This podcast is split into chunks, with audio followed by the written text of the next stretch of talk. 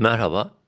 BIST 100 dün gün içerisinde 1985 seviyesinde yaşanan sarkmanın ardından sınırlı tepki yaşadı. Kapanış 2014 seviyesinde gerçekleşti. Endekste gün içi geri çekilmenin 1980 desteği üzeriyle sınırlı kalması ve 21 günlük ortalama üzerindeki hareketin korunuyor olması olumlu görünüme destek veriyor. Bununla birlikte son yorumumuzda da belirttiğimiz şekilde kısa periyotta yukarı hareketin yeniden güç kazanabilmesi için 2050-2065 bandı üzerinde kapanışı gerekli görüyoruz. Bu durumda 2100 seviyesinin tekrar gündeme gelmesi de beklenebilir.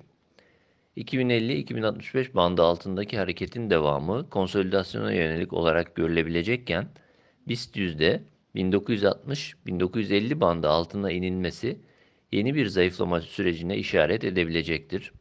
Bu durumda da ilk aşamada 50 günlük ortalama bölgesi olan 1900 seviyesi gündeme gelebilir.